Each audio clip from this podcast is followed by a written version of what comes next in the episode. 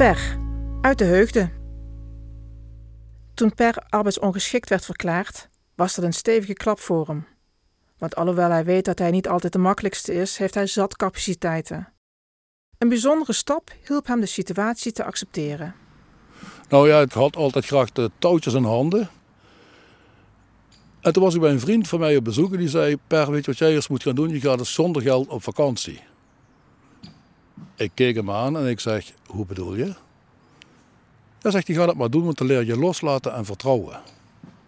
En een uur later heb ik een bordje geschreven: Berlijn.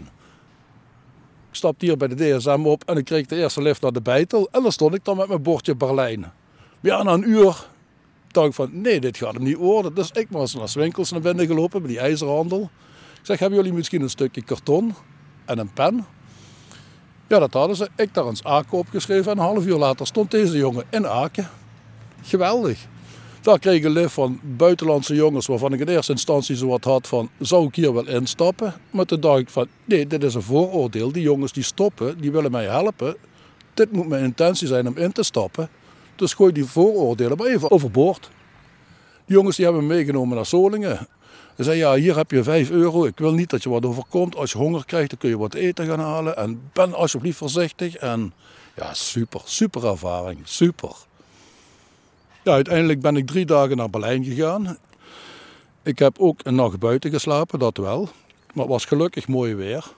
Ik heb prachtige foto's gemaakt van de sterrenhemel. Nou, dat zie je normaal niet als je in je bed ligt. En dan denk je gewoon, ja, hoe geweldig is dit? Toen weer teruggelift. S'nachts zat ik buiten op een parkeerplaats. En dan komen ineens twee Russische jongens op af.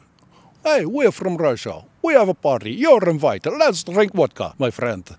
En ik met hun de cabine ingegaan.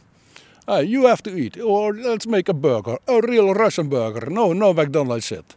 En ja, hup, gasfles gewoon bam in die cabine aan. Hup, pan erop. Hup, uit die koelkast een hamburger. Ja, geweldig, fantastisch moment.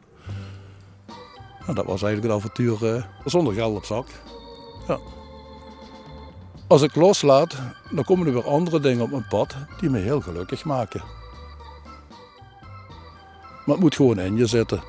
Je moet zelf de knop omdraaien en denken van, ik ga dat anders doen. En dan komt het gelukje toe. That's life. That's life. That's what all the people say. You're riding high in April, shot down in May. But I know I'm gonna change that tune.